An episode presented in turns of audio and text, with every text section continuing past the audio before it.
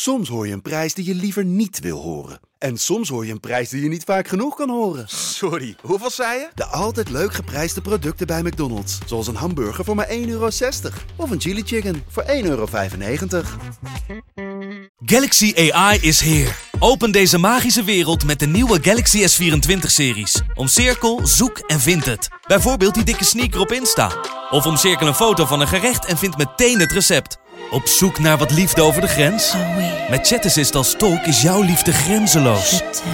Maak vlijmscherpe foto's en bewerk ze als een pro. Met Photo Assist verwijder je al het ongewenst uit je foto, zoals lelijke reflecties of je ex. Bestel de Galaxy S24-series nu op samsung.com.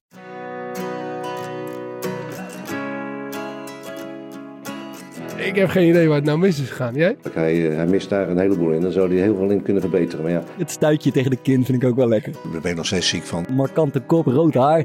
Dus ja, dat zijn natuurlijk ook dingen eh, die, in, eh, die meespelen. Ga nou eerst eens maar eens gewoon proberen te voetballen en je kwaliteit te laten zien. En alles is kut. hij, eh, hij roept maar te pas en te onpas allerlei dingen.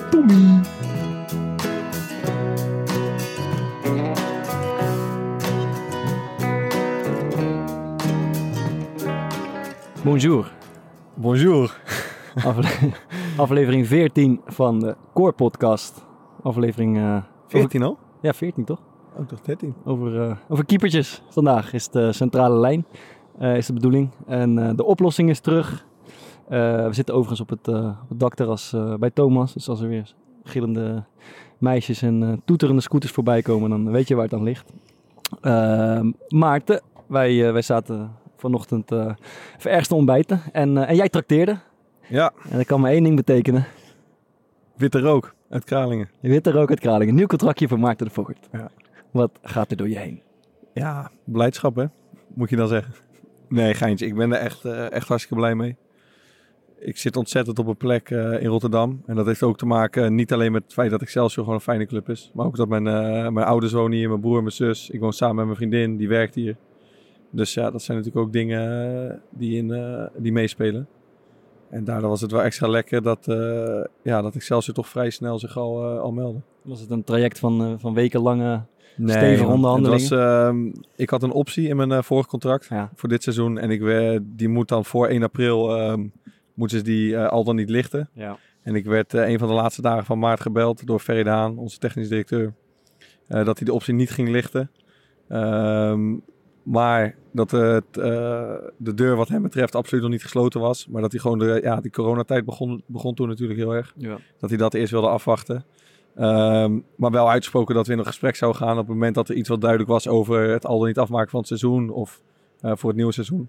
En ehm, nou ja, nu dat allemaal wat duidelijker is en het toch iets rustiger is, eh, toen heeft hij opgebeld, een voorstel gestuurd. Zo gaat het dan. Ik ben nog op gesprek geweest, ik heb de trainer gesproken. Hij heeft een voorstel gestuurd, wij hebben een mailtje teruggestuurd. Hij nog een mailtje, duimpje omhoog Geregeld. gestuurd en eh, klaar. Nieuwe auto al besteld? Nee, ik doe het eh, Louis- zonder auto. Louis Vuitton tasje? Iets? Ja, die wel. Ja? Nee, natuurlijk niet. Hey, eh, Thomas, voor Ja. jou is er ook eh, transfernieuws. Vertel. Ik heb uit een zeer betrouwbare bron begrepen dat jij je hebt gelieerd aan RTV Rijnmond. Wat schrijft er nou? Ja, daar moeten we het nog over hebben. Dus die, die onderhandelingen zijn nog niet begonnen. Wat ga je doen? Nee, ze hebben gevraagd of ik, eh, of ik daar vast eh, wil gaan aanschuiven. Bij FC Rijnmond. Gaat de, gaat de podcast eh, verlaten? Ja, dat Kan je dat wel ik, had, ik, had het, eh, de- ik denk dat een het stap hoger op. combineren valt. Ik hoop dat we dat we het kunnen combineren. En anders, eh, ja, zijn wij het vond, wel. vond ik het heel gezellig met jullie. Maar nee, ik, ik moet ook nog eerst even afwachten of, eh, of eh, de trainer van Excelsior dat bijvoorbeeld ook, eh, ook een goed idee vindt. Verwacht je problemen daar? Ik verwacht geen problemen, maar ik kan me wel voorstellen dat als je daar iedere week, of eens in de twee weken is dan volgens mij, of eh, zoiets is dan de bedoeling, dat je daar, als je daar gaat zitten, dat, dat je ook op momenten daar gaat zitten waar van je misschien achteraf denkt van ja, had ik daar dan Ja. nu op dit moment wel moeten gaan zitten. Dus eh, Ben je daar niet bang voor met, de- met de podcast? nee, ik had dit seizoen tegen FC Dordrecht thuis, had ik 80 minuten warm gelopen. We hadden het vorige week over gehad. En de dag daarna zat ik eh, bij FC Ja, dat Rijnmond. was jij. Ja, en eh, dus ja, nee, ik denk, ik, ik het zit niet in mij om rare dingen te zeggen. Want toen heb je, ben je niet uit school geklapt of zo, toch? Nee, maar er viel ook niks om eh, over uit de school te klappen. Ze vroegen gewoon over dat, wat ik daarvan vond. En ik vond dat kut. Nou, dat mag je best zeggen. En of ik problemen had met de trainer en die had ik niet. Nou, ja, dat was prima. En, Maar, en wat, wat gaat je rol zijn dan? Ik zou het niet weten, moet je aan hun vragen. Ze zijn niet toevallig. Mooi Rijmond. Ja, we hebben vandaag eh, RTV Rijnmond op bezoek. Die, eh, de nieuwe werkgever van Thomas Vaar. Maar je hebt geen niet... eh, Er komen toch een soort Thomas Scouten, dat gevoel heb ik wel een Ja, beetje. hij moet echt goed zijn vanavond. Ja, nou, dat, beperkt, is- dat bepaalt zijn onderhandelingspositie. Het is toch leuk dat je dat zegt. Want eh, ik eh, las toevallig eh, gisteren een eh, interview. Ik bedoel, eh, het, het stijgt ons allemaal wel een beetje naar ons hoofd. eh, Ja, het ik, ik heb een heel bizar interview ook gelezen. Man. Ja, ik ook. Het Nou ja, heeft, is gelieerd aan de jeugd van eh, VOC, een voetbalclub in Rotterdam. en daar heb jij mee gesproken, we, Vriends. we beginnen er echt in te geloven. het, het vocabulaire van de VOC, dat is het VOC Clubblad. Ja. En twee eh, jeugdspeelsters die, eh, van VOC die Bart hebben geïnterviewd. Dat hebben ze op een hele leuke manier gedaan. Maar wat we daar allemaal hebben gelezen, Fokker, ik heb Nee. het niet- hè? Maar ook als we dat dan... eh, we hebben net een klein interview gehad met Rijmond. Als je dan hoort wat hij daar zegt, Ja, waar maar- wij bij zijn. Ja, ja, ja. Ik vind het bizar. Wat, heb, wat heb ik gezegd? Ik- Zal ik er maar wat in gooien? Vertel jij maar wat hij net heeft gezegd, dan reageer ik Jij, erop. jij vanuit- hebt net gezegd, ik ben niet eh, de Wilfred Gené van de Core Podcast. Nee. Ik ben niet de presentator. Eh, ik heb, we doen dit niet met een reden. We doen het eigenlijk zomaar. Het is gewoon lekker slap horen. Oh, wacht even. Ehm, ik mis er nog één, denk ik, toch? Nou, ja, die komt dadelijk. Maar ik denk dat het wel, eh, wel een beetje klopt. Maar goed, op een gegeven moment krijgt hij in dat interview krijgt hij, eh, Wat een zielige gasten zijn jullie. Krijgt, hij, de vraag. Ik ga eens even kijken, waar zit hij? Eh, wat zijn je plannen na het voetbal? Dingen doen met de podcast en misschien wel op tv. en eh, even kijken hoor. Eh, ja, er zit hier nog ergens. eh, oh ja. Ja, ja, ja. Werk je nog ergens anders? Zo niet, zou je dat willen? Nee, op dit moment niet. Voetbal is echt mijn werk. Het houdt wel een keer op, want ik ben nu inmiddels 29. Dus over vijf jaar verwacht ik weg te gaan. Ik maak ook een podcast met Thomas en Maarten de Fokker. Daar ben ik de presentator. En misschien zou ik dat na mijn carrière nog kunnen doen. Ja. En, Oh, wat- dit is en, gewoon... wat me, en voordat je reageert, ik vind het ook nog heel bizar dat je dan... eh dan gaat over het vriendenteam. Ja, die is Ja, en dan noem je mij niet. Nou, ik, En ook bij iets anders zeg ik, doe dit met Thomas Ja, ik- Vaar en nog een, en nog een voetballer. en nog een grootje. Nee, bevriende voetballen, dat wel. wel bevriende voetballen. nou, het mooie, kijk, ik moet zeggen, die, ik wil die meisjes, twee lieve meisjes die voor de bus gooien, maar dat vriendenteam hebben ze wel iets heel moois opgeschreven. Want, Ja, eh, ja, ik eh, ga nu... eh, Ze vroegen van, eh, als je zelf, als je zelf Ja. een voetbalclub mocht starten, hoe zou die heten en wie moet erin spelen? Dat is een mooie vraag. een leuke vraag. Ja. Het antwoord, En eh, het antwoord is, we zitten wel eens te fantaseren om een vriendenteam te maken in het profvoetbal. Want het lijkt ons wel leuk om dat te doen met wat vrienden. Thomas Verhaar zou erin zitten. Ronaldinho. Dat is ook weer heel bijzonder. eh, Jij mag Ronald zeggen, ja, Eh, Stijn Spierings en. Erik Valkenburg. ja, ja. Maarten de Fokkert heeft het niet gehaald, helaas. Pocket heeft het niet Nee. gehaald. Eh, gaan we Maar ja, ik toch snap voor ook als- Kortsmit denken. als, als Ronaldinho je vriend is, dan snap ik dat je die eerder noemt. ja. Ja, Maar goed ploegie, Spierings, eh Valkenburg voor haar en Ronaldinho. ja. ik, zie, ik, ja, ik vind het een Ja. mooi ploegie. Leuk. Genoeg afgebrand, hè, Bart. Hoe was het in Parijs? Goed man, lekker. Ja, was, eh, ik, ik ben er even tussenuit geknepen. Twee dagen het bleek dat er nog niks open was. De Louvre was dicht. Eh, Notre Dame was, eh, was ook niet veel meer van over. Terrasjes. Terrasjes waren goed, ja, het was, eh, was levendig. Ik zat in een leuke buurt. Eh, dus ik ben eh, eindeloos eh, langs de Seine gaan wandelen. En eh, ja, het blijft gewoon een toffe stad. Ik moet, ik, na twee dagen was ik er wel klaar mee. Toen ben ik, naar, eh, toen ben ik onderweg naar huis. Dacht ik, maak een stop in eh, Normandië. En en, en dat kan ik echt iedereen aanraden. Dus drie, drie uurtjes, drieënhalf uur rijden. En het echt eh, ah, mooie kust. Mooie krijtrotsen. Leuke stadjes. Voor Dus iets van goed. historie eh, te vinden. Ja, ik probeerde wat eh, van die eh D-Day stranden te bezoeken, maar dat was eh Duinkerken ben ik even langs gereden, maar dat was gewoon ordinaire Scheveningen. Dus dat was niet echt de moeite. Maar Normandië eh, zelf was, eh, was mooi. Dus eh, mocht je je vervelen deze vakantie, Ja, wie weet. rij een keer op en neer. Goed. Zo'n Ento met scooter. je hebt geen auto, hè? Waarom eigenlijk niet? Ja, Je kan toch gewoon, je kan toch gewoon een auto van de club leasen? nou, dat heeft eh, eigenlijk twee oorzaken. De eerste is een financiële reden. Dat Ja. ik het gewoon eh, te duur vind eh, ten opzichte van eh, Ja. wat ik verdien. En de andere is, eh, zoals ik net zei, dat eigenlijk heel mijn familie gewoon in de stad woont. Ja. En dat ik het dan echt eh, onnodig vind. Ik vind dat je bij Excelsior wel een beetje buitenproportionele auto's rijden. Mini Ja, Cooper. Thomas, auto. ik heb Thomas jarenlang met, in, een- in, een- in een Renault Clio'tje bij Sparta zien rijden. In Excelsior nu heeft hij, wat heb je, een BMW, is nog wat? Hij is tegenwoordig ook een uur of vier te vinden op de Witte, de Witte en de Meente. En dan rijdt Gaat hij zo heel langzaam rijden? in zijn Ja, ja, BMW. ja, zijn raar. Ja, wel, ik heb een hele, hele degelijke, mooie BMW stationwagen. Echt een familiewagen. Ja, is toch top. Goed. Eh, laten we het over voetbal hebben. Achter de schermen gaat het vandaag over, over eh, keepers. Keepertjes, dat is mijn, eh, Mijn favoriet. Eh, we hebben één, één keeper aan tafel, maar we hopen dat we iets breder kunnen trekken dan eh, alleen uh, Maarten de Fokkert. Hoop ik ook eigenlijk. Ik ben eigenlijk eerst op zoek naar wat voorbeelden. Wie was de, in eerste instantie de beste keeper met wie jullie hebben gespeeld? Christopher Noordveld. Is goed, hè?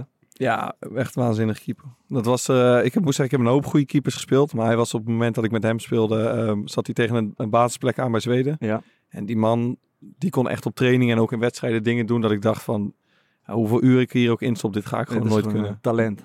Ja, gewoon, gewoon pure klasse. Hij ja. was zo verschrikkelijk snel en dat, daar gooide dat, dat lichaam van hem in de hoeken. Ja. Dat was echt uh, absurd. Ja. Thomas, jij? Ja, uh, ik heb natuurlijk bij uh, twee clubs gespeeld. En dat zijn Sparta en Excelsior. En bij Sparta heb ik uh, jarenlang dezelfde keeper gehad. Dat was Roy Kortsmit. En, is dat de man van het beste interview van de afgelopen jaren? Ja, dat is wel zijn hoogtepunt geweest bij Sparta. ja, absoluut. Moeten we... Is dat het moment? Is dit zo'n moment? Ja. Gaan we gewoon nog een keer gooien? Ja, ik vind het goed. nog één keer. Hij blijft goed, hij blijft goed, hij blijft goed. Even kijken, Roy, waar ben je? Ik, zeg, ik heb denk ik uh, een jaartje of tien niet gehuild, maar ja, de tranen kwamen, die kwamen gewoon. Ook omdat uh, mijn vader is er denk ik, uh, ja, die heeft elke wedstrijd is hij er vanaf dat ik zeven jaar ben. Is hij er altijd voor me geweest en, en mijn moeder trouwens ook. En vandaag is hij er voor het eerst niet bij en dat, ja, dat doet wel pijn, maar... Waar is hij? Volgens mij in Italië met zijn werk. Ja, ja, blijft goed. Nee, maar ik vond, ja, hij, was, uh, hij was best jong toen ik, uh, toen ik daar kwam spelen. Volgens mij 21 of 22. En uh, voor, voor zo'n jonge keeper maakte hij echt, hij maakte bijna geen fouten. Ja. En, en hij haalde echt, echt een geweldig niveau op een bepaald moment bij Sparta. Ja. Dat was ook wel knap, man. Want hij is toen opgeklommen van drie, volgens mij, uh, ja. naar één. Want in eerste instantie, als ik het goed erin zat, Kieboom boven hem. Ja, klopt. En toen raakte Sinou een keer geblesseerd. In die, ja, toen, uh, toen viel Kieboom uh, in die finale. Ja, viel Kieboom in, dat. En, en, dat ging, en het jaar daarna is, is Roy gaan spelen, volgens mij. Ja, ja klopt. Ja, omdat, ja, klopt. Ja. Nee, maar ik vond het een geweldig keeper. En uh, het doet me toch wel een beetje pijn om te zien dat hij uh, dat hij nu uh, zonder club zit. Terwijl... Uh, ik zelfs wel nog een keeper nodig. Ja, ja en jij kreeg gewoon weer een contract. nee, ja. dat is een geweldig keeper. Okay, we gaan door. Jij Bart? Ja, ik, ik heb met een hoop rommelaars gespeeld moet ik zeggen. Maar eentje die me wel eens bijgebleven was... Wat is de grootste rommelaar? Poeh, ja, ja, dat zijn vooral keepers uit de jeugd. Bij Utrecht hadden ze, een handje van, ze hadden ze echt een handje van om keepers aan te trekken die, uh, die, iemand, die, die wel redelijk op de lijn waren, maar waarvan je het gevoel hebt dat ze voor het eerst een bal aan de voeten kregen. Ja, moeten wij, moeten wij het dan niet hebben over die, over die ene keeper die we bij Sparta op een gegeven moment op proef hadden? Oh mijn god. Waarvan iedereen zeker wist ja, dat, hij niet aangenomen zou worden. Ja. Die deed werkelijk alles fout wat je fout kon doen. Ja. En die kreeg gewoon een contract. Een week lang hadden we een... een, Wie, wie was dat? Maar, Ja, die keept nu bij Molde. Dus Ja, hadden, hadden wij niet was goed het, was het die Belg? ja, Eh, ja, Belgische, ja, is Spaanse toch gewoon Belg. Spanjaard. Maar ja, zeg maar, was in de voorbereiding trainde die een weekje mee. En Alex dan- Kraning. Ah, Kranings, ja. En dan vroeg je, en dan, ja, dan gaat het, dan, dan is dat is je moment om te shinen. En, eh, en ja, dat ging niet lekker. Eh, dan, en dan heb je zeg maar één moment van de week, de afsluitende partij, 11 tegen 11. Dan, moet je, dan is het erop of eronder. En dan glipte er weer een balletje door zijn vingertjes. En dan ineens een paas die niet goed ging. En wij, wij keken allemaal elkaar aan van ja, die is niet aangenomen. En volgende dag op de website eh, een Driejarig driejarig contract voorgelegd. Ja, soms, eh, soms is het vreemd. Maar die eh, Andersen, eh, Stefan Andersen heb ik mee gespeeld. Dat Go Ahead, hè? Deens International, dat is een, eh, ging ook naar Kopenhagen later, geloof ik. Een jongen die eh, een beetje arrogante gozer, weinig contact mee te krijgen had. Helemaal geen enkele belangstelling om voor die club te spelen. Maar was wel een goede keeper. En ik kan herinneren dat hij één heel ziek ding kon. Het heeft verder niet zo heel veel met de wedstrijd te maken. Maar wij deden wel eens crosspasses, gewoon hij en ik gewoon op de trainingen over 40 meter hoog naar elkaar toe schieten. En hij wist die crosspaas van mij, wist hij consequent uit de dropkick als een crosspaas terug te schieten naar mij. En dat achter zijn stambeen. Ja, netjes. Dat is toch niet te doen? Ja, blijkbaar wel. Maar Ja. ik, nee, ja, dat Ja, dat- ga ik niet proberen. Dat was echt teringziek. En, eh en eh, Eloy Rome is een goede keeper. Goed lijf, eh goede, rustig, echt ontzettend atleet. Niet heel goed aan de bal, maar wel gewoon... eh, Maar ik, weet, ik kan me nog herinneren dat hij statistisch helemaal niet zo slecht was, man, aan de bal. En Rome. Nee, hij deed gewoon niet zoveel geks. Hij had een beetje een, Want, kleine, eh, hij hij had een kleine banaan Ja, de hij had wel een beetje die, eh, die naam. Dat hij dan zeg maar, heel goed op de lijn was. Ja. de bal niet zo. Maar ik heb de statistiek toen erbij gepakt. Mm. Dat is wel gewoon mee, man. En, eh, en, en, één ding, Bart. Heb, je, heb je Frank Randel gehad bij Utrecht? Ja, en die, eh, ja, ik trainde af en toe mee. Ja, dat is, dat is een, dat is een hoe noem je dat? Een vast begrip geworden natuurlijk, Ja. een grandelletje. Omdat hij gewoon de ene naar de andere blunder maakt. Maar dat is wel een jongen, dat is best wel gek als je dat op de training zag. Gewoon een supergoeie keeper. Gro- groot lichaam, supergoeie reflexen, vertrouwen. Maar ja, als het eenmaal in het hoofdje gaat zitten, en daar kunnen we het misschien zo meteen wel over hebben. Ja, dan ga je de gekste dingen doen, eh, denk ik. Ja. Eh, en de gekste keeper, want die, eh, die zullen er ook wel zijn. Maarten, heb jij, heb jij er... Ja, het is een beetje geboren uit eh, de documentaire hè, die we hebben gekeken. Ja. Ja. En, en- en daar komt wel een beetje naar voren dat je gek moet zijn om keeper te zijn. Maar- ja. Ik heb dat eigenlijk nooit echt begrepen. Mo- moet je echt gek zijn om, om keeper te zijn? Ik dacht dat gewoon van ja, De slechte voetballer ga je nu zeggen waarschijnlijk. nee, nee, nee. Maar gewoon, ja, ik bedoel, eh, keeper is gewoon ook een onderdeel van het team. En die hoort er ook gewoon bij, ja. En, en iemand is keeper. Ja, punt. Ja, ik En ben niet- het gewoon niet- gaan doen. niet per se gek te zijn of zo. Ik ben het gewoon zijn gaan doen vaak wel een beetje raar, broer deed. Ja, het zijn wel eenlingen. Dat wel. Ja. Ben ik een eenling? Nee, jij niet. Maar ik geen keeper. Eh, nou ja, je bent ook geen voetballer. Maar heb je met een gekke keeper gespeeld? Ja, meerdere. Maar eentje die er wel ehm, gelijk uitspringt is Kamil Miazek. Dat was een, eh een Van Pools- Feyenoord was het, ja, een Poolse jongen. Die kwam, ehm, die kwam halverwege het seizoen kwam hij bij Feyenoord. Hij was één jaar jonger dan ik. Hm. En ik speelde op dat moment in de, in de A2. En in de B en in de B2 had je allebei al twee keepers. En hij kwam daarbij. En hij trainde ook wel eens met ons mee. Ja, die man was op de lijn. Echt nog nooit gezien, man. Zo goed. Gewoon serieus met afwerken, randje 16 zo. Gewoon bijna niet te doen om te Ja. scoren. Gewoon, als je als andere keeper erbij was, was het gewoon echt ontmoedigend. Ja. Ehm, alleen, hij was in het totaalbeeld, het voetballende, diepte inschatten, zo. Dat was gewoon niet, niet zijn ding. Ja. Ehm, maar dat was er eentje... eh, Die was daar gewoon met één missie. Zeg maar, ik moet de nieuwe, zeg maar, Jerzy Dudek worden. Ja. En daar moest zeg maar alles voor wijken en iedereen. Ja. Dus ik kan me nog wel herinneren dat hij dan met die B2 moest meetrainen. En dan liepen we langs het veld waar ze keeptraining aan doen. Nou, die waren elkaar gewoon echt letterlijk dood aan het schieten. Half vijf meter. Ja. Gewoon met het idee van, eh, Ja, weet je, ik, ik moet jou die goal uitrammen. En ik heb toen het jaar daarna met hem in de A1 gespeeld. Ja. En wat hem vooral zo gek maakt is... Kijk, je hebt altijd ballen die ertussen invallen. Die stuiterballetjes. Waar je, dan zeg ik heel eerlijk, op de training denk ik wel eens van... Nou, even niet vandaag hoor. En in de wedstrijd gooi je dan je, je kop ervoor. En dan, ja, dan kom je een keer met een bloedneus, met een knie op je Ja. hoofd. Maar die man ging consequent, maakt niet uit wat voor oefening je deed, die dook voor alles. Ja. Dus die had, denk ja, wel gemiddeld één, twee keer in de week had hij of een bloedneus, een blauw oog, een scheur in zijn oor. Ja. En dat is uiteindelijk ook mijn geluk geweest, want wij speelden voorbereiding, eh, in de voorbereiding waren we in Zweden, was met Feyenoord 1. Ja. En eh, hij had een contract en ik er niet. En ik, eh, ik draaide wel lekker. Maar ja, je weet gewoon hoe het gaat in de jeugd. Als je een, eentje contract hebt, ander niet, Ja. dan gaat hij in principe gewoon spelen. Ja. En eh, toen speelde hij, eh, er kwam een diepe bal. Ja, en hij gooit zich ervoor en hij breekt letterlijk zijn hele jukbeen en zijn schedel in tweeën. Dus die is een half jaar of zo eruit geweest. Ja. Maar dat was qua, eh, als je zegt van gekheid, overal voorduiken en op je kop laten schieten, echt ongeven Ja. Je moet niet bang zijn als, als keeper, hè? Nee. Ben je, ben je wel eens bang voor een situatie in het veld? Dat je gewoon, dat je, want je, je, het is eigenlijk je plicht. Wat wel grappig is, is eh, het is best wel tegen natuurlijk om gewoon alles, voor, om alles aan te doen dat er tegen, tegen je aan wordt geschoten. Ja. ja, ik vind het wel eens kut, man. Heb je er wel een soort van... Ik vind het met trainen wel lastig soms, Mhm. man. Want je moet echt, eh, het is gewoon een, eh, een, een- een mindset. Je moet gewoon een knop omzetten van, Ja. het is niet erg nu om zeg maar, op je kanus geschoten te worden. Ja. En dat gaat in wedstrijden altijd heel makkelijk. Ja. Eh, maar met training heb ik, eh, ja, Als het sommige... koud is, Ja, bijvoorbeeld. regent. Of eh, je bent moe en je zit er niet lekker in. Dan heb ik op trainingsdagen daar wel eens moeite mee. En Ja. aan de andere dag, want wat ook het stomme is, als jij in die situaties vaak 100% erin gaat, dan word je bijna nooit op je kop of zo geraakt. Ja. Maar juist als je met die kleine aarzeling van Mhm. het is een moetje en liever niet, dan krijg je altijd net die bal in je zak of op je hoofd. Dus ja, ik, vind- ik vind dat wel eens lastig. Mhm. Ja. Wij, Thomas, wij hebben met een Leonard Nienhuis gespeeld. Vond ik ook wel een mooi type. Oh ja, ja. Ja, het is niet per se de allergekste, maar hij had wel iets, eh, hij had iets grappigs. Zo'n markante kop, rood Hij haar. ging ook zo lekker uit zijn uit zijn Hij plaat. hè? kon gigantisch uit zijn plaat gaan. Ondergewaardeerd uiteindelijk, vond ik. Ja, ja, ja. ja hij had, eh, op een gegeven moment heeft hij ergens een bepaald stempel gekregen. Eh, vooral bij Sparta. Die, die waren, eh, de, de supporters bij Sparta waren absoluut geen, geen fan van hem. nee. Eh, terwijl op de training vond ik dat best wel ook een goede Ja, keeper. hij was best een goede keeper, maar hij had, hij had inderdaad iets over zich dat hij een, eh, dat hij een, een, een faler was of een blunderkeeper was. Maar Ja. uiteindelijk viel het wel mee, maar hij was wel, hij was wel super fanatiek en altijd tieren en schelden. En hij was ook, eh was ook niet vies van, eh, van een sigaretje op de hotelkamer. Dat vond ik zelf ook wel mooi. En het leuke is, hij is, ik, het was best een aardige keeper, maar er kwam op een gegeven moment geen club voor. Maar hij was denk ik 28, 29. En toen eh, was hij er zo klaar mee, dus hij lekker in, de, in, in Noord-Groningen ergens in de derde klas in de spits gaan voetballen. Ja, dat, dat doet hij volgens mij nog steeds. Ja. Maar Ja. het is best wel een bijzonder fenomeen, toch? Trainingskeepers. Dus Je hebt gewoon van die gasten die zijn op de training, weet je, met kleine partijen zo echt gruwelijk. Kan je ze altijd erbij hebben. Ik kan me als voorbeeld nog herinneren, bij Heerenveen hadden ze het over Kenny Steppen. Ik weet niet of jullie hem nog Mhm. kennen. Ja. Die scheen op de training zo abnormaal goed te zijn. Ja. En in wedstrijden kwam dat er gewoon niet uit, man. Ja. Maar dat is dus wel ook wel wat een beetje naar voren komt in die documentaire.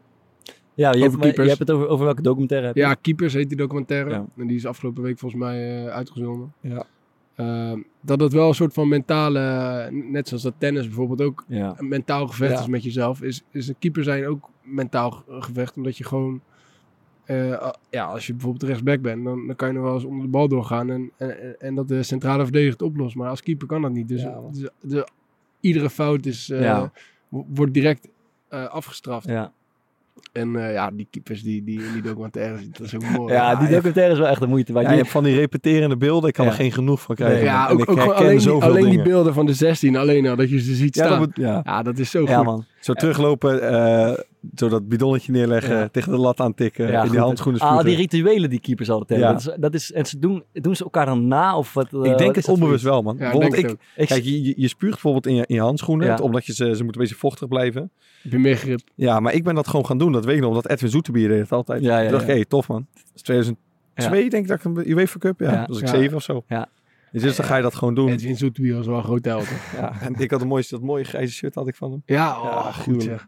En ik denk dat het met heel veel dingen wel zo is, maar met even die noppen tegen de paal. Dit heeft Ja. ook wel functie, En maar die, je doet het eh, veel vaker dan nodig is en allemaal. die vaseline die Ja, op dat- de paaltjes oh, jongen, dat hoe heb vaak doe ik wel niet, hoe Er zijn vaak een ik aantal wel niet heb dat ik tegen de paal Ja, sta te leunen en klopt. Ja, verdomme. A- ik weet bij ADO doen ze het veel. Er zijn een aantal, ehm, ja, bij Jong AZ, die Rodi de Boer doet volgens mij ook.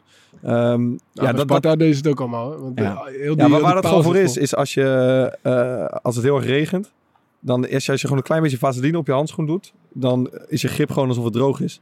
Ja. Maar toch is het ja, heel selectief, want ik vind het echt afschuwelijk, man. Ja. Ja, maar er zijn een aantal jongens die het echt bezweren. Ja. Maar het is altijd wel humor als je iemand zo ze inderdaad bij een corner tegen de paal ziet gaan staan. Hey, Ja, ja. Er zit heb zo'n ik, klodder eh, vaseline op je dat heb elleboog. ik op, tijdens de training echt vaak gehad. Maar dat, dat ding dat, eh, dat één foutje eigenlijk fataal is, dat is volgens mij... Ja, eh, één foutje wordt over het algemeen nog wel door de vingers gezien door supporters en spelers. Maar het probleem van één zo'n foutje is dat het zo in je kop gaat Ja. zitten. Nou, en het afschuwelijke is dus dat je, je kan eigenlijk heel lekker in vorm zijn. ja, En veel goede ballen pakken, Ja. goede spelafvatting hebben, Ja. goed uitkomen. ja, En dan twee of drie weken op rij één, één klein kutmomentje hebben. ja, En dan, dan weet je dus zelf, "Ei, ik ben gewoon in vorm. ja. Maar je bent het niet. Nee. Maar als speler is het toch ook wel zo? Ja, maar het verschil is als speler kan je volgens mij... eh, je komt veel vaker in, de, in, in, in, in een duel of in een actie waarin je het recht kan zetten. Dus je kan, eh, in mijn geval kan je eens iemand een tik geven of je kan jezelf oppeppen of je kan eens iets goed met de bal doen. Of je kan het heel simpel houden eh, om weer in de wedstrijd te groeien. Maar als keeper... Kan ja, dat toch je- ook? Ja, hoe dan? Ja, door gewoon op een gegeven moment weer een bal te pakken. Ja, maar toch, bedoel, we- toch het is niet, Ja, maar je het kan niet het van je zo- energie kwijt. anders. Maar het is niet zo dat... Kijk, als je een foutje maakt, dan, dan zal dat misschien niet eens altijd gezien worden. Wa- Wat jij ziet als een fout, zien wij... tenminste, Ik denk ja, dat ik denk, maar ik denk dat Bart echt doet Kijk, een blunder ja, een blunder. Ja. Maar ja, dat, dat is voor Bart toch hetzelfde. Als Bart een blunder maakt, een tekort terugspelbal, is er ook een doelpunt. Als ik eh, in de laatste minuut een pingel mis, dan eh, eh, bij een stand van 2-2 en eh, dan. Ja, maar dan, is het er ook, dan, dan heeft het er ook direct Ja, maar, ja, maar, Dus dat is toch ook een ja, maar je hebt dat net nu, zo goed. ik- maar een, een blunder bij jullie is alleen een, uh, dat klinkt misschien gek wat ik zeg, een blunder als er een goal uitkomt. En bij ons is, uh, ja, ik zeg het eigenlijk niet goed, maar bij een keepersblunder komt er eigenlijk altijd een goal uit. Thomas kan überhaupt niet zo gek voor blunders maken. Tuurlijk wel, je kan Ja, toch je missen kan goal, missen. weet ik het wat. Ja, maar dat, Dat zijn toch ook allemaal blunders. Je kan grote kansen missen. Dat, dat, dat, dat is toch aan de andere kant. Kijk, je kan Ja, goals maar die zijn- Ja, maar die toch zijn wordt, daar allemaal- min, toch word je Ja. daar minder op afrekenen. Nee, veel, dat is niet waar. die hebben veel Ja, minder wel. uiteindelijk voor het buiten. Als voor- ik, als ik drie keer eh, of twee keer achter elkaar voor open goal mis, dan, dan word ik daar wel op afgerekend. Ja, maar wat ook nog als, jij, als je twee keer achter elkaar over een bal duikt, dan word je daar inderdaad op afgerekend. Ja, maar kijk, stel hè, ik, maar, ik duik twee keer over een bal heen en jij mist twee penalties. En we worden Ja. allebei gewisseld. Ja. en dan twee weken daarna krijg jij weer de kans. Twee Ja. een kwartier, doe je het goed, kom je erin Ja, en ik, dat, en ik is- zit dat, dat, dat het is het verschil. Het maar, is- maar het, het verschil zit er niet zozeer... Kijk, wat keepers altijd zeggen en beweren is dat... Ja, als we een keer een fout maken, dan is het gelijk een goal. Maar dat, dat geldt voor... hè, als je een grote fout maakt, is het inderdaad een goal. Maar je kan ook wel eens een foutje... maken. ik maak natuurlijk hartstikke veel fouten wat, wat niet tot een doelpunt leidt. Die, eh, Nee, maar en- dat doen keepers ook. Ja, maar die marge is wel minder toch bij ons? ja, die marge is Ja, dat weet ik. Dat vraag ik me dus Ja, af. dat denk ik echt wel, man. En het kan wel... Het is toch gewoon, het is toch gewoon zo dat, er- oh, dat er gewoon een lijn minder tussen Maar, zit. maar andersom is het toch ook wel zo dat, dat een fout van een keeper niet eh, heel vaak direct gezien wordt.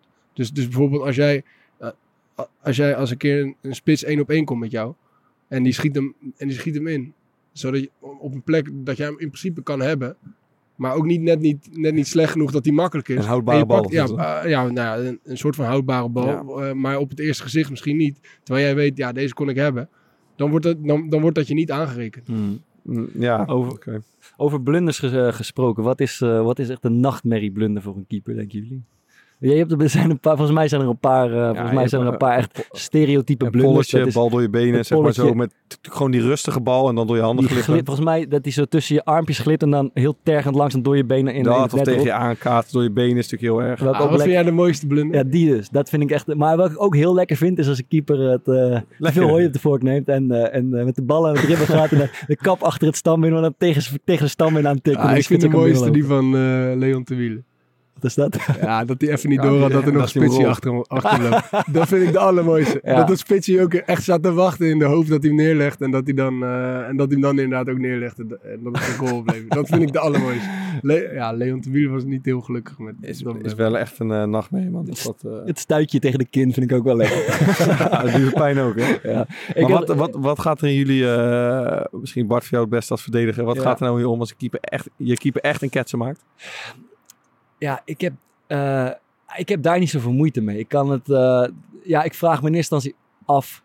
Moet ik nou die troostende rol op me gaan nemen? Moet ik hem even een tikkie geven? Maar dat, daar blijf ik eigenlijk ver vandaan. Volgens mij is dat nog vernederender dan gewoon eh, doen alsof, alsof we door moeten gaan. Ja, weet ik Maar niet ik, ik, ik, ik, ik, kan me niet zo, eh, ik kan me niet zo om ergeren of, of boos om zijn. Wat ik wel irritant, ik heb best wel vaak met keepers gespeeld. Eigenlijk bijna alle keepers met wie ik heb gespeeld.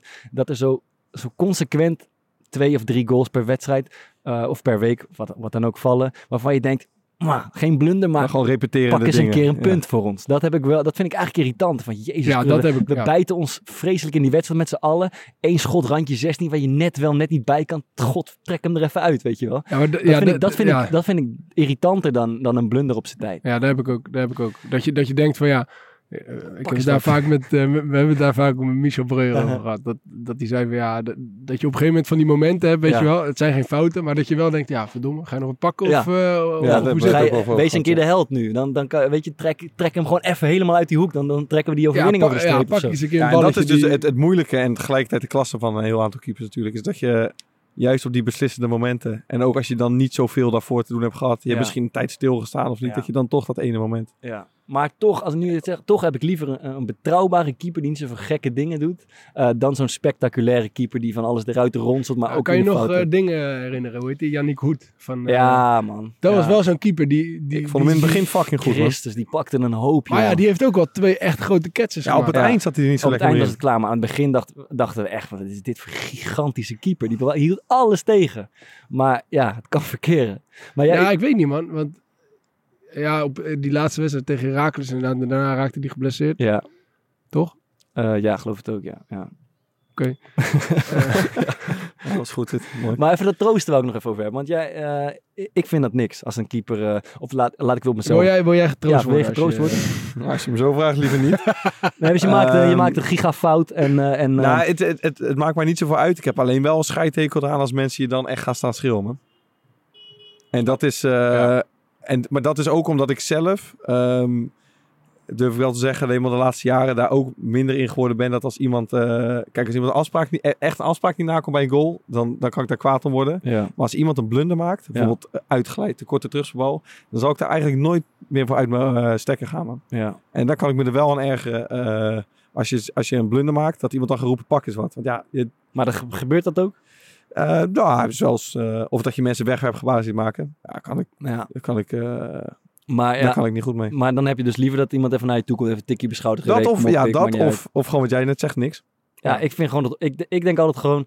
Eh, het hoort bij. Laten we er zo min mogelijk aandacht aan besteden. Hoort bij het spel. Pak het En, weer op. en weet je, ik snap wil het, als, je, niet, als je op een gegeven moment eh, een keeper hebt die altijd een grote bek hebt en je maakt ja. drie catches op rij in Ja. een hele belangrijke fase met dingen dat je een keer zegt, wat what the fuck man. Ja. Natuurlijk snap ik dat, maar ik als een keer iemand de ketsen maakt, dus Ja. pak even je rust. Maar Thomas, Ja, jij wil wel eh, de troostende de rol op je nemen. Nee, maar het, het- ja, weet je, ik zou voor mezelf, als ik, als ik zoiets doe, dan, ja, het hoeft niet per se eh, direct daarna, maar dat Ja. op een gegeven moment wel iemand tegen je Ja. zegt van, ja, weet je, dat gebeurt. En, eh, Ja, precies. Ik vind dat, ik vind dat persoonlijk wel, Ja, eh, wel, relaxed. Ja, achteraf is dat fijn. Ja, maar ja, het, je moet inderdaad niet. We hadden bij Sparta wel een mooie tactiek als we tegengoals kregen. Ja. Eh, dat we dat we eigenlijk gewoon ons er niet door lieten beïnvloeden. Dat, dat was een soort van de afspraak. Ja. Zo van, ja, tegengoals die krijg, ga je nou eenmaal krijgen. Ja. En, eh, Dus niet dat je plaat En liever is het een incidentele fout dan dat het eh, iets is wat, Ja. wat structureel voorkomt. Ja. En eh, als het gebeurt, ja, dan gebeurt het. En dan, eh, dan doen we gewoon daarna weer exact hetzelfde als Ja. wat, we, wat we daarvoor deden. Wat Ja. wij met elkaar hebben afgesproken. En dat werkte, vond ik best wel goed. Ik bedoel, eh, we zijn vaak teruggekomen naar achterstand. Ja, de, de, de, de patsencontrole, die hebben ze vandaag niet uitgevoerd eh, hier in Rotterdam. Want eh, er komen veel... maar ja, dat, dat vond ik wel prettig. En Maart, jij zegt, eh, ik word ik als ze beginnen te schelden. Maar wat mij altijd opvalt, als, als een spits een doelpunt maakt, dan beginnen ze te juichen. Maar als een keeper een, een sikke redding maakt, dan beginnen ze te schreeuwen en te, en, en te tieren Nee, ik, tegen, ga, tegen ik, de ik, juich, medespelers. ik juich man. Ja? Dat is echt een goede bal. Jij bent niet de Henk Timmer. Henk Timmer, ja, die was mooi. Die was een grootheid, hè? Als hij dan een keer een kans werd tegenkreeg zo en hij pakt hem, dan, Ja, dan man. sprintte die gelijk naar de 16 om iedereen eh, op een donder te geven. Ja, die had echt zo'n zo'n spurt. Ja, ja, ja, daar heb ik echt van genoten altijd. Ja, nee, ja, dat, nee, dat heb ik niet, eh, niet die- echt. Ik, ik vind het meer, ik, ik heb, ben, als ik echt een goede bal pak, dan ben ik oprecht gelukkig, man. Ja, en ga je niet lopen schreeuwen tegen je, tegen je verdedigers. Nou, Ik zal, het, ik zal het vast wel eens gedaan Mm. hebben, maar eh, haal het schot eruit. Mm. Lekker van die... eh, Ik vind het ook juist mooi als je dan eh, ook gewoon een soort van juicht. Oh, vind ik ook bij verdedigers Ja, vind ik dat ook. mooi. Ik Als een verdediger een keer een eh, Ja. Gruwelijke verdedigende Ja. actie pakt, Ja. dat je dan ook een soort van eh, bij elkaar eh, komt en Ja. zegt, "Goh, ik ben altijd wel huiverig voor die zeggen, corner, verdedigers en, en keeper vaak ook erbij. Die hebben onderling wel een soort van ja. verbondje Ja. van... Hey, als de ene echt een gruwelijk blok maakt of een tackle maakt... dan, dan is dat wel even het moment om met z'n tweeën te Ja. jagen. En ik heb dat ook wel eens met keeper. Ik vind het fijn om veel contact met mijn keeper Ja. te hebben. Om gewoon eh, ja, elkaar een beetje scherp te houden, in beweging te houden... maar ook elkaar Ja, je bent soms ook wel de echt een waardering trio, uit te toch? spreken. Je bent echt een trio Je bent echt een trio als de laatste twee en, en de keeper. Ja, dat klopt.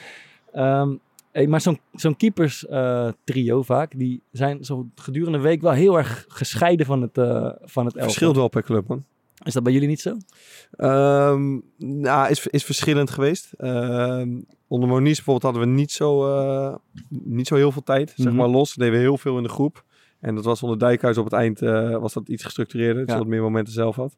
Maar ik heb ook wel eens clubs gehad dat je echt lang inderdaad keeperstraining had, iedere dag. Ja. En dat je dan bijvoorbeeld een half uurtje even bij de groep was. Maar Ja. En ze doen bij- meestal bij ons vaak is een eigen krachtprogramma, zo'n eigen warming-up. Ze zijn soms eindeloos met z'n drieën en de keeperstrainer eh, elkaar eh, kapot aan het schieten. en alleen als er een partijvorm of zo eh, is, dan, dan komen ze erbij. Ehm, vind, je, vind je daar iets van?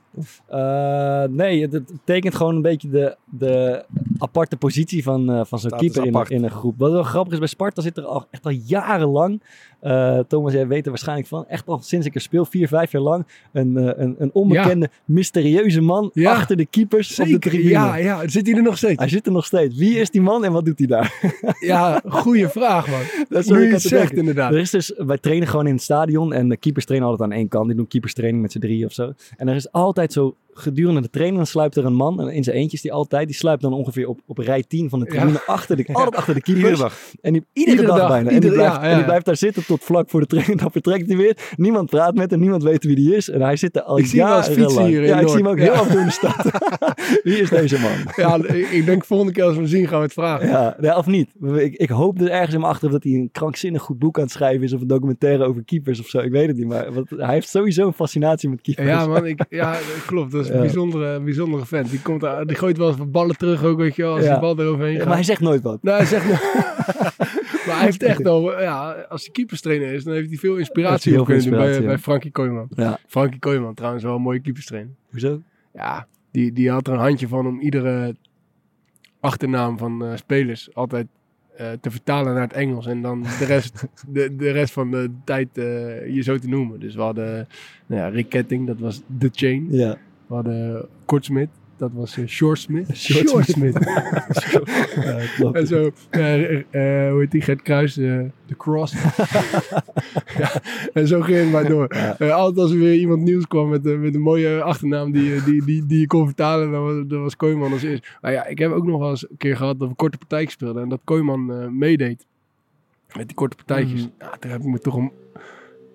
Toen heb ik me toch een mot gehad, jongen, met Kooijman. Ja. Op een gegeven moment... eh, Ik kan me nou niks meer voorstellen met jou, man, met partij. Nee, ja, maar dat was echt mooi, man. Hij, hij was, ah, ah, je zag echt aan hem waarom hij zo goed was. Want hij was zo fucking eh, fanatiek. Maar op een gegeven moment was er een situatie met een penalty, weet je wel. En, eh, en, en die kreeg hij niet. Toen ging hij helemaal uit zijn dak. Maar vlak daarvoor, toen, toen hadden wij ook een penalty moeten krijgen met hem. Dus, dus hij, hij helemaal uit zijn dak. Ik zeg, ja, wij, wij lopen toch net ook niet te zeiken. Wat zit je nou? Wat zit... Hij zei, zo met zijn vingertje zo, niet tegen mij. Niet tegen mij praten. Niet tegen mij praten. dus wij, Mies ook erbij. Die, ik zat met Mies. Ja, hoezo dan? Wat dan? Ben jij, ben je dan een trainer? Mo- Mogen we dan niet tegen jou praten? Omdat je, je doet er niet toch gewoon mee. Ja, vervolgens gooi ik echt een gruwelijke stift eruit. En die pakt die echt op een zieke manier. Pakte die nog net, weet je wel. En ja, op een gegeven moment komt zo'n balletje zo tussen mij en hem in. Ja, toen dacht ik van ja, ik moet nu niet, ik moet nu niet doorlopen. Toen kwam hij met een gestrekt been in, joh. Dat was niet normaal. En vervolgens die training voorbij. We konden elkaars bloed wel drinken. En we moesten die goals nog wegzitten. En eh, ik zet een van die goals weg. En ik zie Frank Kooijman zijn handschoenen nog liggen. En ik ja, denk zo van ja, zal ik ze gewoon laten liggen of zal ik ze meenemen? Ik, ik was nog wel een beetje boos. Dus ja, ik denk ja, oké, ik neem ze mee. Dus ik neem die handschoenen mee. Dus ik geef uiteindelijk die handschoenen aan Kooijman. Het enige wat hij tegen me zei met zo'n big smile op gezicht. Tommy! ja, schitterende kerel. Dus ja, ik, ik heb wel een mooie, mooie herinneringen daar. Is het, goed, is het een goed verhaal voor ik het vragen van jou? De, de cageman. Nou, hij begon goed. Eh, Iets wat lang. Kan een keeper een goede aanvoerder zijn? Ja, denk ik wel. Mm, Ja, ik ben niet zo fan van.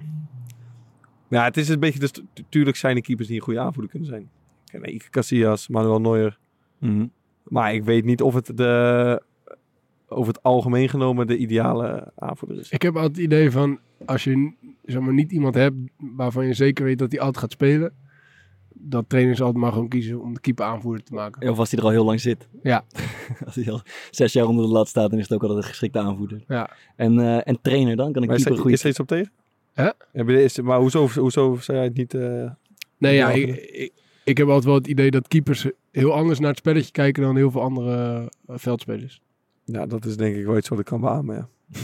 Dus, dus dat je Ik vind toe- mezelf ook echt een, als ik heel eerlijk ben, een verschrikkelijke analist, man. Ja, vind je maar- jezelf een slechte analist? Ja, man. Ik heb, ik heb zo vaak dat... Ik ben erbij in die wedstrijd. Ook Ja. als ik van de bank zit te kijken. Maar Ja. dan hoor ik trainers zeggen eh, iets over wedstrijd. Of eh, eh, Thomas had dat vaak in de rust. Of, eh of Luigi Bruins of Wouter Burg had er wel aardig kijk op. Ja. En dan dacht ik van, god, die heeft wel gelijk, man. Dat had ik echt nooit opgekomen. Nee, ik dan, het- ik let dan op hele specifieke dingen. Ja. Bijvoorbeeld achterin of met eh, Ja.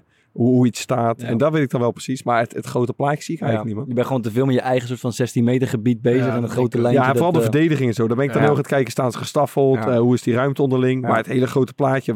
Dan zeggen ze, waar gaat het mis met druk zetten? Ja. Ja, maar, maar niet vragen. Nee. Ja, we hadden met Roy, ik had met Roy echt regelmatig ruzie tijdens de wedstrijd. Ook, Mm. eh, dan hadden we afgesproken bijvoorbeeld dat, dat Roy al die, al die uittrappen van hem naar de linkerkant zou schieten. Omdat Ronald Bergkamp daar dan zou staan, zeg maar. En dat was onze langste man. En, en, en Paco van Morsel, die stonden dan samen met, eh, aan de linkerkant. En dat betekent dus dat ook de tegenstander helemaal aan de linkerkant zich ging positioneren. En dan stond ik meestal in mijn eentje tegen de, tegen de, tegen de linksback van de tegenstander nog aan de andere kant. Ja. En dan, en dan bedacht Roy altijd op het laatste moment, hey, verdomme, die Vaar, die staat wel lekker eh, in een mooie ruimte. En dan kreeg ik hem weer, ik kreeg weer zo'n hoge bal, weet je wel, waar ik helemaal niks mee kon. En dan, en dan reageerde ik daar weer op. En dan zag ik hem ook weer maar volledig uitschelden. En dan, na de wedstrijd hadden, we- zaten, lagen we weer in een deuk daarover. Dat was zo mooi. maar dat zegt wel iets Eén op over, één altijd spelen, hè? over, ze. over tactisch. Ja, precies. Ja, dat, dat zegt wel iets over het verschil van inzicht over tactiek tussen, tussen veldspelers en eh, Nee, dat, dat zegt het verschil tussen Roy Kortsmit en jou. Dat kan je natuurlijk niet op alle keepers betrekken. Nee, oké, maar het zegt... Ja, Bij de hand. Ja, dat is misschien wel waar. Eh, tot slot wat ik altijd geweldig vind eh, voor, de, voor, de, voor het publiek op de tribune ook, is de, de laatste minuut corner. En het keepertje stormt mee naar voren. Martin Hansen. ja. Vrije trap. Ik heb wel altijd er gebeurt altijd wel iets rondom die keeper. Het is, wordt altijd gevaarlijk. Dat vind ik altijd wel Hij heerlijk. valt misschien ook op, toch? Gewoon zijn outfitje. Ja, ik denk juist helemaal niet dat het altijd gevaarlijk maar dat is. voor je gevoel is dat wel zo. Dat die bal, die, die, Ja, het die is wel kleurrijke- mooi. Het is gewoon altijd Met mooi, zijn kleurrijke tenue. Oh, daar wil ik ook nog iets over vragen. Dat tenue, hè? Ja, maak eerst nou je vraag Ja, af over die corner. Die, eh, Nou ja, ik heb gewoon, dat vind ik altijd schitterend als een keeper met zijn blauwe pakje dan... eh, zou echt een droom zijn, man. ja, een goal maken. Ja, ja. Ik, weet, ik zou van mijn god niet weten van gekheid wat ik, eh, wat ik zou gaan doen. Ja. En Hansen was die gozer met het, uh, dat tegen PSV. Kan, je, Ja, absurd. kan je met je koppen? Nee, man, echt verschrikkelijk. Echt helemaal niet. Oh ja, dat is Ik kop altijd met mijn kruin, man. En dan heb ik een beetje zo'n droge kop en dat schuurt dan. En dat is, ko- koppijn ook. ja, man, dat is niks. Eh, wat ik nog even wilde vragen, dat, dat keeperspakje. Want je, de keepers die komen altijd in de gekste kleuren. En er zijn altijd drie of vier opties. Heb je daar nog zelf een soort iets over te zeggen als keeper? Ja, Of over het helemaal- algemeen mag de, de eerste keeper en soms de eerste twee keepers eh, wordt daar wel naar gevraagd. Er Nou, zijn een aantal opties. Mijn favoriet, ja. Ja, bijvoorbeeld afgelopen periode eh Ja. wordt er dan gevraagd hoe dat eh, zit. Ja, ik, dat ik hou altijd gewoon van zwart, man. Helemaal het zwart. Royler had in de clinch met eh, hij die niet eh, genoemd wordt. Ja. De, de materialen van Sparta. Die we weigeren te noemen, ja. Eh, die, die, die, was nooit, eh, die, die moest dan inderdaad op dinsdag of zo al eh, aangeven welke kleur we zouden, zouden spelen. En dan mocht hij ook bepalen welke, welke kleur de keeper zou spelen. En dat was eigenlijk in principe al het andere kleurtje dan waarin Roy wilde spelen. Ja, ja. Oh, maar de, de keeper heeft dus wel inspraak in de, de Ja, maar het verschil per club. Oké, ja. Bij sommigen wordt het gewoon beslist en bij anderen... Ja, kijk, ze, ze kiezen natuurlijk gewoon... eh, ze geven dat gewoon aan bij Ja. zo'n sponsor. Ja, dus moet dan wel is... Dan Ook goedgekeurd worden door de scheidsrechter. Ja, dat. En dan kan je toch gewoon... Is het ook niet zo gek om dat gewoon aan je keeper te vragen. Heb jij... Dit zijn de opties. Heb je voorkeur? Oké. Ja, ik was, ik was een week geleden op een, op een veldje in Rotterdam aan het voetballen. ja, en daar eh, loopt de gozer. In een oranje shirt. Een oranje shirt van, eh van Kwik. En ik dacht dat het een Katwijk shirt was. En die gozer, nou, hij kon niet bijzonder goed voetballen. Maar was wel een goede fanatieke kerel. Ik, ik vond het eigenlijk wel een beetje een wous. Maar eh, ik, ik vraag op een gegeven moment aan mijn maatjes. Wie is die gozer? Speelt hij bij Katwijk? Zei, nee, nee, dat is de keeper van Rijnsburg. Ik dacht, de keeper van Rijnsburg, dat is volgens mij eh, de Fokkerts beste maat. Ik ging Mhm. kijken, toen was het gewoon een shirt van Excelsior, het keepershirt, met Maarten de Fokker. ja, dat doe je ook niet voor je lol, toch? Die heeft hij niet in de fanshop gekocht. nee, ja, die is niet te krijgen, denk ik. Maar wel mooi. Dat, je, dat je gewoon op een willekeurig veldje in Rotterdam, eh, Fokker tegenkomt. dat er iemand rondloopt met een shirtje van Maarten de Fokker. voel me nou toch wel een stuk beter ook. Ja, toch? Ja, dat is fijn. De oplossing is terug. En eh, deze week... Ja, eh, misschien nog één ja, dingetje. wil- want we moeten het ook nog wel eventjes hebben over de barkie van vorige week, denk ik. oh ja, platen Ik wil nog even één ding over die documentaire, man. Oké, Ja, Zijn- hebben jullie, had je iets van een, een favoriet moment uit die keepersdocumentaire? Eh, Ja, de toespraak van, van een van die... Je hebt één zo'n meisje die in die documentaire gevolgd wordt. En Mm. op een gegeven moment staan ze volgens mij bij rust eh 7-0 achter of zo. En de toespraak van de trainer op dat moment, dat is wel mijn favoriete moment. Want we hebben het over wedstrijdbesprekingen gehad. En hier komen wel echt alle clichés Die je kan verzinnen. die je kan verzinnen komen naar voren. En niks wordt concreet. ja, het Er staat iemand vrij en hoe kan je nou eh, die laten koppen zonder dat je wat? springt? heeft geen enkele zin om... We gaan het gewoon even kijken. Ja, ja, ja. heb, je, heb je hem daar? Dat is Ja, ik pak hem wel even erbij. Elke fucking tweede bal is voor hun. Er zaten drie mooie doelpunten bij, daar kun je niks aan doen. Maar als verdomme iemand op de achterlijn vrij kan koppen, zonder dat ze hoeft te springen, hoe kan het in godsnaam? Ik weet niet maar jullie zijn allemaal twee centimeter groter als mij. Dan moet je in ieder geval springen voor een duel aan te gaan. Het is gewoon een schande, meiden. En iedereen kan een kan zeiken op elkaar en iedereen kan zeuren en weet ik van wat. Maar je hebt het allemaal zelf in handen. Want als je niet weet welke van de drie je moet pakken, dan pak je er maar eentje vol. Dan weet je dat jij in ieder geval je taak wel volledig aanhoudt. Er staan er elf op het veld en elf aan onze kant. De keeper staat in ons goal en hun ook. Nou, kies er één uit. Maar zorg in ieder geval dat je daar de volgende 45 minuten bij blijft. Hoe moeilijk is het? Zo moeilijk kan het toch niet zijn, meiden? Ja, dit is toch goud. eh, Alles. Het is totaal niet concreet. En alles is kut. En ik heb geen idee waar het nou mis is gegaan. Jij? Nee, maar ik weet wel dat ze allebei eentje op doel hebben staan. Ja, maar dit is gewoon een blauwdruk van de, van de, Zo van moeilijk kan het toch niet zijn? van de rustbespreking. Zij hebben de 11, wij hebben de 11. Als je er 7-0 achter staat. Eh, Waarschijnlijk hebben ze nog nooit in de tactiek van tevoren gezegd. eh, je kiest er eentje uit en je blijft de rest van de wedstrijd bij hun. Maar in de rust dan eh Je hebt worden, het- word je er wel op aangesproken. Ja, mooi. Je hebt het zelf in handen. Ja, en, en ook nog één dingetje wat ik ook niet helemaal begreep is... Er stond er dus blijkbaar eentje vrij bij het koppen. Die hoefde niet te springen. Maar iedereen is twee centimeter groter dan haar. Iedereen is twee centimeter groter dan, dan de trainer. Maar die trainer heeft hem niet gekopt, toch? Ja, genoeg. genoeg. Nee, maar het, het- wat ik echt mooi vond is eh hetzelfde meisje die eh, gefilmd wordt. En die krijgt dan op een gegeven moment eh, een tegengoal of, twee of drie. En die wil dan, maar ze heeft zo'n microfoon, dus hoort alles wat ze zegt. Maar ze wil dan eigenlijk niet tonen dat ze echt ontzettend kwaad is. En dan hoor je er zo van, tegen, kut, met die bal voor de goal, kut, met die bal. Godverdomme die bal voor de goal. En dat herken ik zo erg als ik dan afgelopen jaar maandag met de tweede moest spelen. En dan krijg je een, een tegengoal. En dan kook je echt van binnen. Maar je, ja, je wil gewoon niet dan daar uit, je- zeg maar, uit je plaat gaan en helemaal... En dan zit je ook zo in je... Het is zo herkenbaar. Dan zit ik zo... Met, dan doe je nog zo je handschoen een beetje alsof je iets in je gezicht krabt. Zodat Ja. niemand je mond ziet gaan. En dan zit je tering. En doorgaan en dat vond ik zo zwaar. Ja, ik heb dat dus echt nog nooit gehad, denk ik. Wat? Tijdens een wedstrijd dat ik echt zwaar in mezelf... eh, Nee, maar jij Je kan hebt dus de hele tijd, je hebt de hele tijd mensen om je heen met wie je dit Ja, kan en delen. ook- Ah, Dus je hebt ook nog nooit eh, een goal tegen gehad, denk ik. Nee, dat, helaas nog niet. Want dat zou betekenen dat ik Dat is uiteindelijk... droom, ja, ja, dat is mijn droom. hè. Ja, het is mooi. Mogen we naar de oplossing of eh weer Ja. door? Nee, ja, de, de, Ja, plaatjes, de- de, plaatjes. de Jij bent platen bij, Bart. bij Hans Tweedehans. eh Ja. Zeg maar. ja, Maarten en ik zijn vandaag bij Hans Tweedehans geweest. eh. Wat een koning van de vent. Ja, dat is mooi, hè? Dat is mooi. Ja, was leuk. Hij heeft dus een zaak. En laten we zeggen, die zaak is ehm, eh 20 vierkante meter. Ja. En daar kan je letterlijk anderhalve vierkante meter van is bereikbaar. Dat is één groot fort van echt stapels van, van misschien wel drie meter hoge eh, platen. Ja. En ik vroeg aan kom je nog als achter in zaak? Hij zei, ja, eh, zo af en toe moet ik even, eh, iets, even hebben van achter. Want ik verkoop meer dan ik inkoop, dus moet ik iets hebben. En eh, een beetje schuiven. ja, fucking mooi. Ja, we hebben hem 100 euro gegeven en hij heeft een, eh, hij is vervolgens, nou, ik denk 20 minuten lang aan de slag gegaan in die platenzaak van hem. En ja, ik denk dat we zo'n 20 platen hier hebben liggen en die gaan we, die gaan we weggeven aan, eh, aan onze trouwe luisteraars. Heb jij nog iets moois eh, waarmee ze die kunnen winnen of kunnen krijgen of weet ik het Ja, ik even, moet er even over denken. Het, op Twitter kunnen we ze natuurlijk eh, iets, eh, iets laten bedenken. Bijvoorbeeld eh, hun, hun favoriete quote uit, eh, uit de afgelopen 14 eh, afleveringen. Zouden kunnen doen.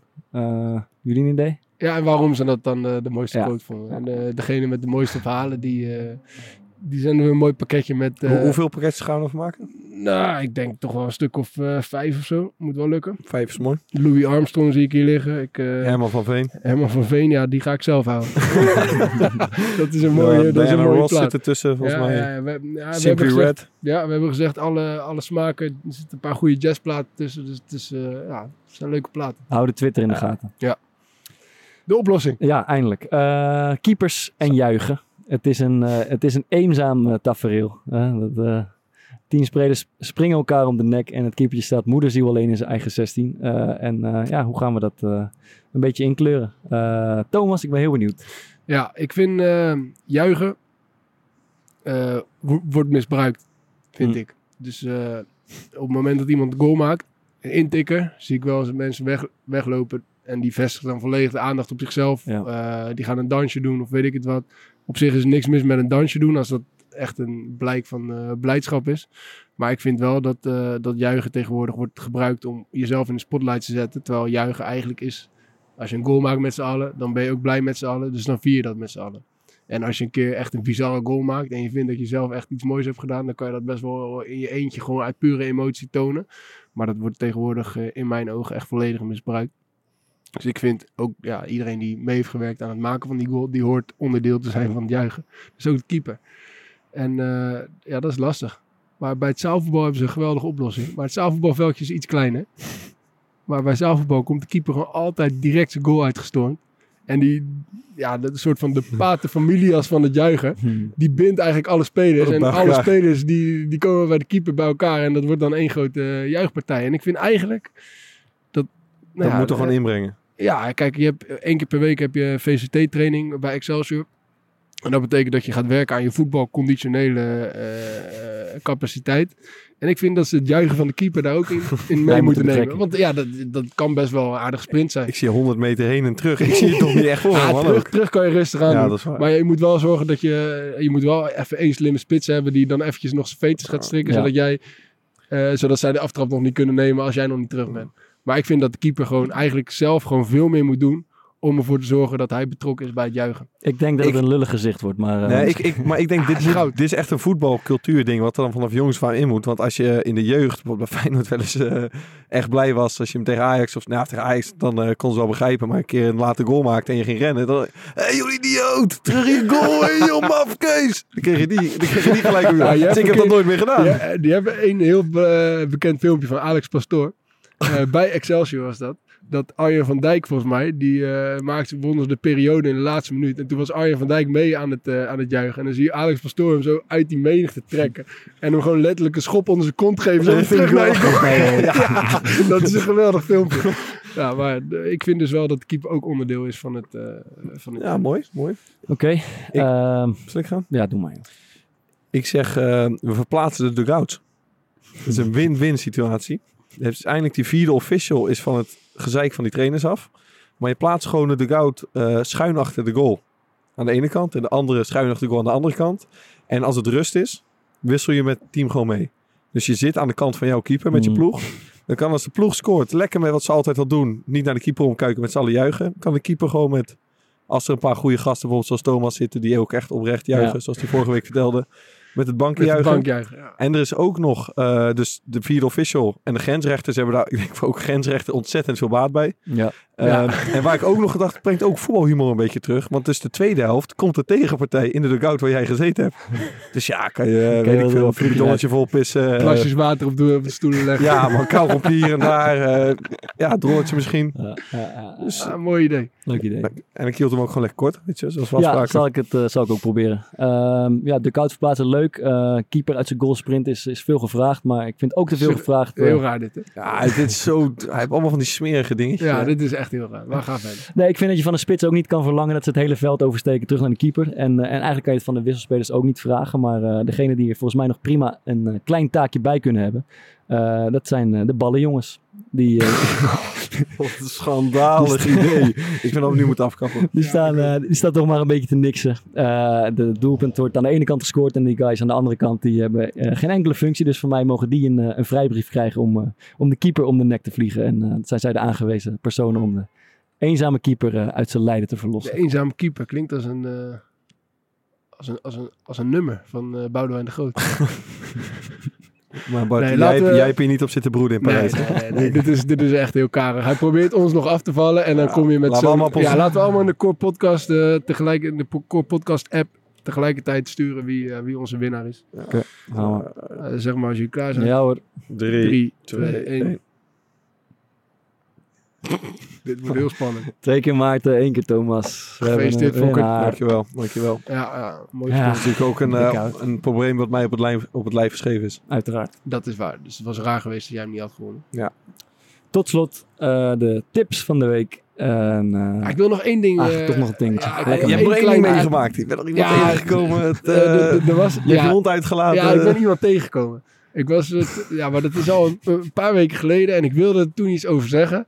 Maar op een of andere manier heb ik dat niet gedaan. Maar ik, ik reed een paar weken geleden reed ik over de Erasmusbrug in mijn auto.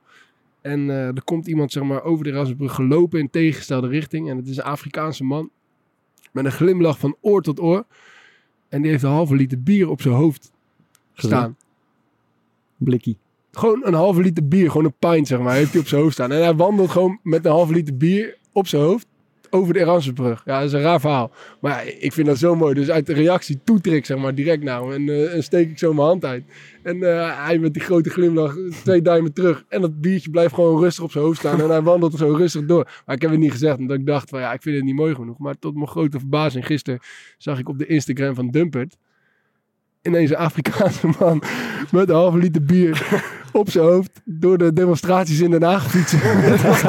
Van oor tot oor. Ja, ik zweer het, je moet het kijken. Dat is zo grandioos. Maar die gast die gaat, denk heel, die gaat heel Nederland door. Met een halve liter bier zijn hoofd. Drink je hem ook op, of niet?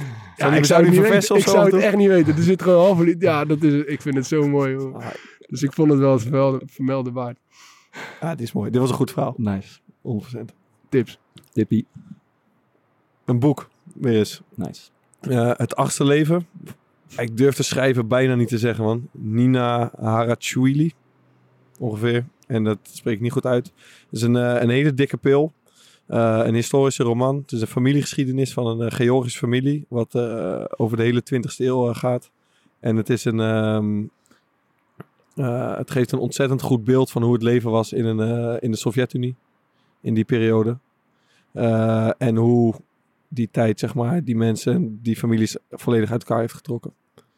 En het is oprecht een, ik heb nu wel aardig wat gelezen. Ik vind het een van de beste boeken die ik, eh, die ik gehad heb. Kam kort. Zal ik hem doen? Eh, mijn eh, aanrader is een, eh, weer een documentaire. Hij heet Solo Out of a Dream. Ik weet niet of jullie hem misschien gezien hebben. Het gaat over een eh, voormalig Feyenoorder die ik nog af en toe eens over de main zie lopen hier. En zijn naam is Leonardo.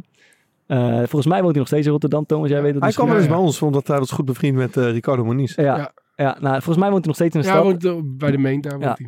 hij. Ehm, eh, het is een documentaire, eh, documentairemaker Jos de Putter heeft toen Leonardo 11 was, heeft hij een, een, een, een do- documentaire in de favela's heeft hij gefilmd. En dat ging over Leonardo en een vriendje van hem. Helemaal niet met het idee dat, hij, dat het een bijzondere voetballer was. Maar op basis van die, die videobeelden is deze Leonardo als 11-jarige jongen gescout. Volgens mij een soort van combinatie van Willem van Hanegem en Pieter Visser die dat hebben geregeld.